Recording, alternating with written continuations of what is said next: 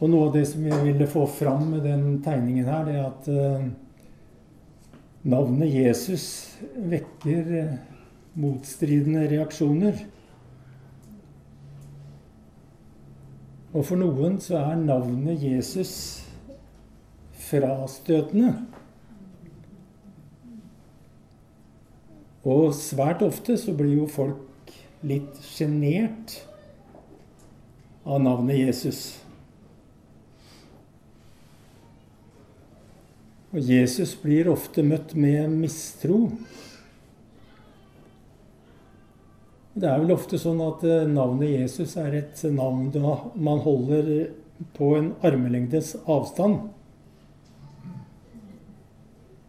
Det skjer av og til at navnet vekker sinne. En gang så vekte navnet ropet 'Korsfest, korsfest'. Og det er på en måte som om dette navnet fremdeles utløser en slags allergisk reaksjon og at det er noe provoserende med navnet Jesus. Hvorfor det? Å snakke om Gud er gjerne akseptabelt. Å søke den høyeste guddom, eller det indre lyset, det er enda mer nøytralt. Det kan passere. Og ulike former for åndelighet er ok. Men Jesus Det er da et lett grøss brer seg. Han er ikke nøytral.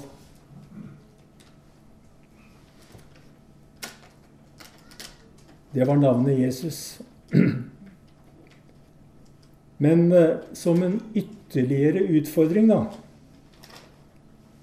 Jesus lever. Det forsterker ikke applausen, for å si det sånn.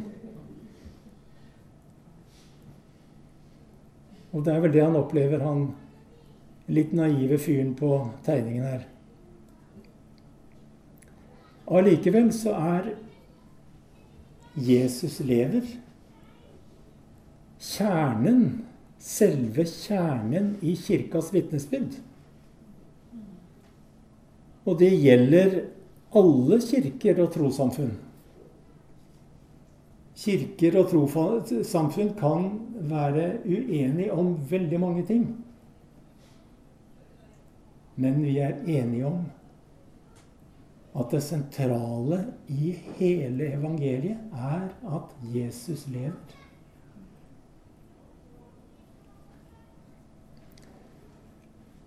vel vitende om at det for mange framstår som en grov provokasjon. Og det har det vært fra første dag. Bibelen forteller at da Jesus var korsfestet og død og lagt i en grav,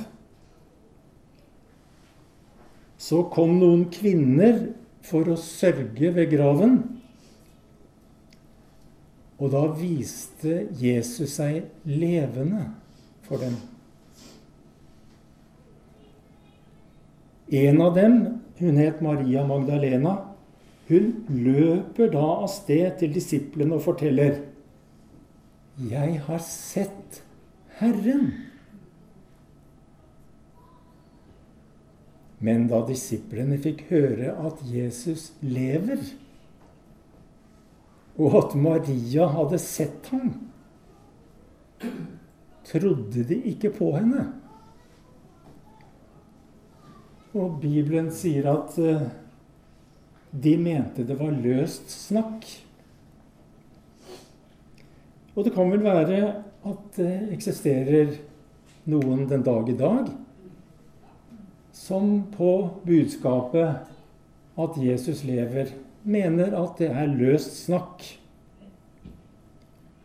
Disiplene tenkte antagelig at disse kvinnene var hysteriske, eller at det var en slags innbilning, eller at de hadde hallusinasjoner.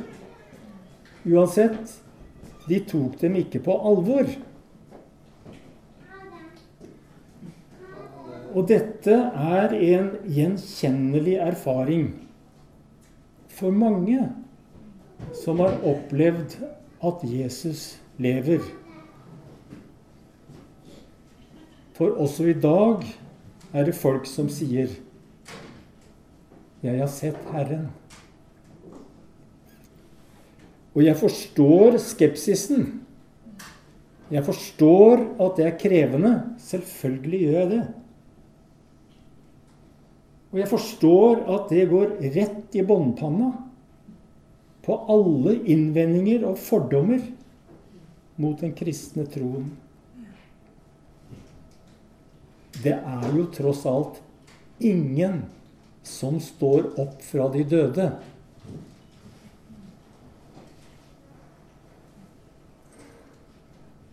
Tenk deg de første disiplene som hørte dette. Tenk deg at du, sånn som dem, sitter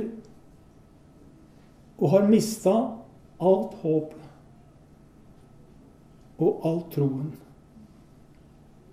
Og har mista alle forventningene om en framtid. Ja, selv selve ankerfestet i livet er løsna. Drømmene er knust. Livet er i drift. Flammen blåste ut. Og det sukket som disiplene opplevde av håpløshet, det er gjengitt i Bibelen, hvor det står Og vi som hadde håpet For disiplene så måtte en fatal erfaring av død bli erstatta av en erfaring som gikk utenpå død og nederlag. En erfaring av at Jesus lever. Og det er først og fremst dette Kirka har å si i dag. Jeg vet at det er helt urimelig. Jeg er klar over det. Men tenk om Tenk om det urimelige i dette tilfellet er sant. Det blir fremdeles oppfatta som en provokasjon og selv om jeg skulle være et klokt og reflektert menneske med stor selvinnsikt og kjennskap til menneskenaturen,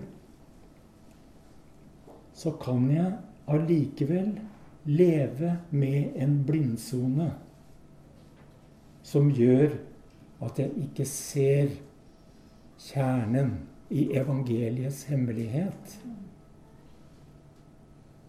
Jeg kan ha utstrakt kunnskap, psykologisk forståelse og åndelig intuisjon uten å se at midt iblant dere står en dere ikke kjenner. Sånn som Johannes døperen sier idet han peker på Jesus. Det er mange mennesker som aner en hånd bak verdens skjønnhet og orden. Og erkjenner Skaperen som livskilden i hjertets innerste. Uten å se hans ansikt. Og Derfor så lyser vi velsignelsen i hver eneste gudstjeneste her i stallen. Og vi lyser velsignelsen ikke bare over menigheten, men over byen og over alle mennesker. Og vi lyser velsignelsen når vi sier Herren la sitt ansikt lyse over deg.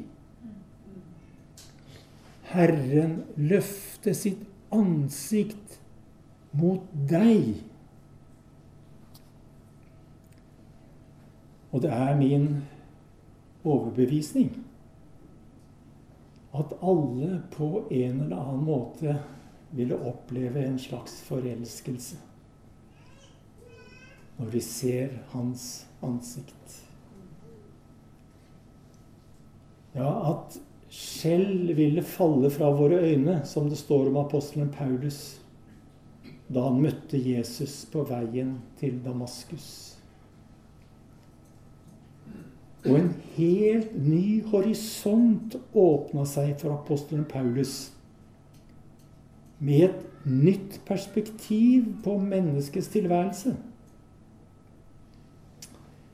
Hele kirkas fundament er fra første stund sammenfatta i ett navn Jesus. Og kjernen i kirkas fortelling er et vitnesbyrd om Jesus fra generasjon til generasjon til generasjon. Jesus, han er alfa og omega. Begynnelsen og enden. I den verden vi lever i, så er det ofte en stor usikkerhet om hva kristendommen går ut på. Men hva det går ut på, det kan sammenfattes i apostelen Paulus sine ord. Det går ut på å kjenne ham og kraften av hans oppstandelse.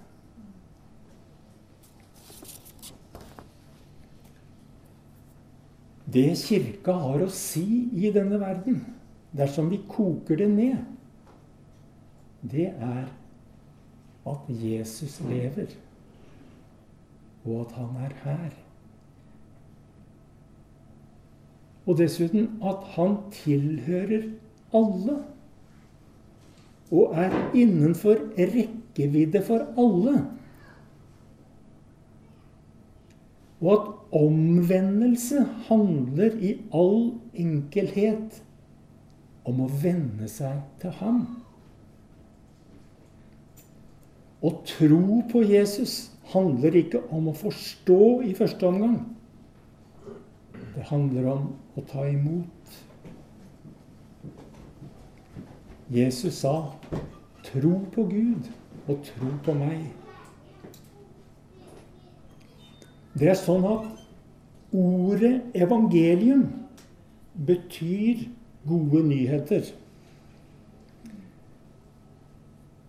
Og det er en ortodoks teolog som heter Olivier Clement, som et sted skriver at Kirka forkynner for verden den eneste nyheten som kan nå oss i dag på dypet av vår meningsløshet og mangel på framtidstro. Det er at Gud som ble menneske, har steget ned i døden og i helvete for å hente hjem seier over døden og helvete i alle former. Jesus lever, og han er her. Bibelen sier at han er ikke langt borte fra hver eneste en av oss. Det er apostelen Paulus som sier det. Og han fortsetter. For det er i ham vi lever og beveger oss og er til. Og vi vet jo at Jesus sier Der hvor to eller tre er samlet i mitt navn, der er jeg midt iblant dem.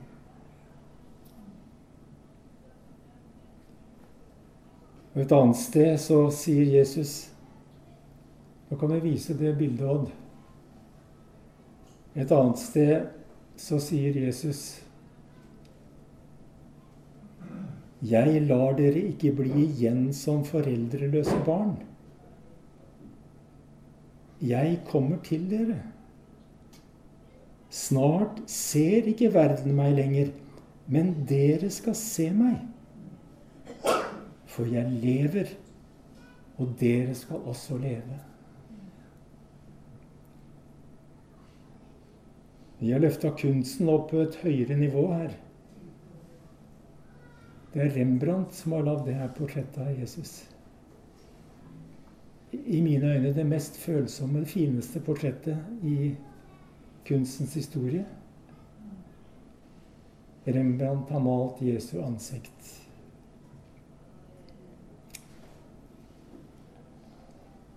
Snart ser ikke verden meg lenger, sier Jesus.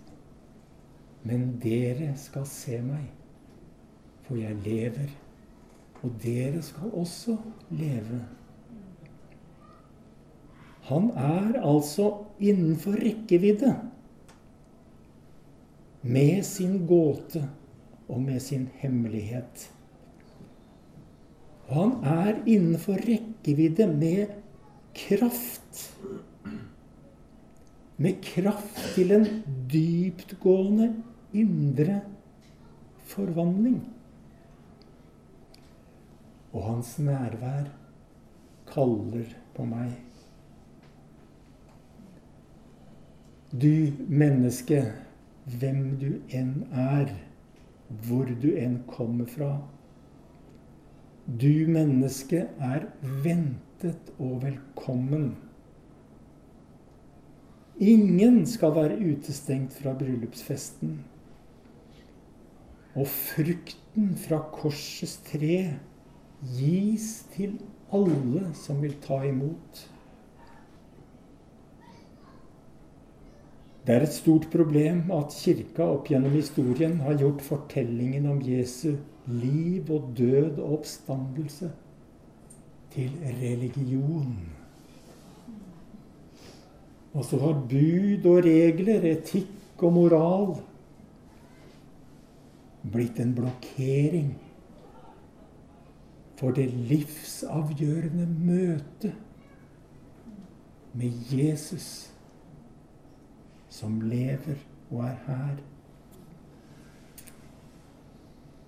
Og religiøsiteten har blitt en hindring for at Gud i sin kjærlighet vil forene seg med sin skapning. Og som jeg har sagt før Evangeliet handler ikke om noe jeg skal gjøre.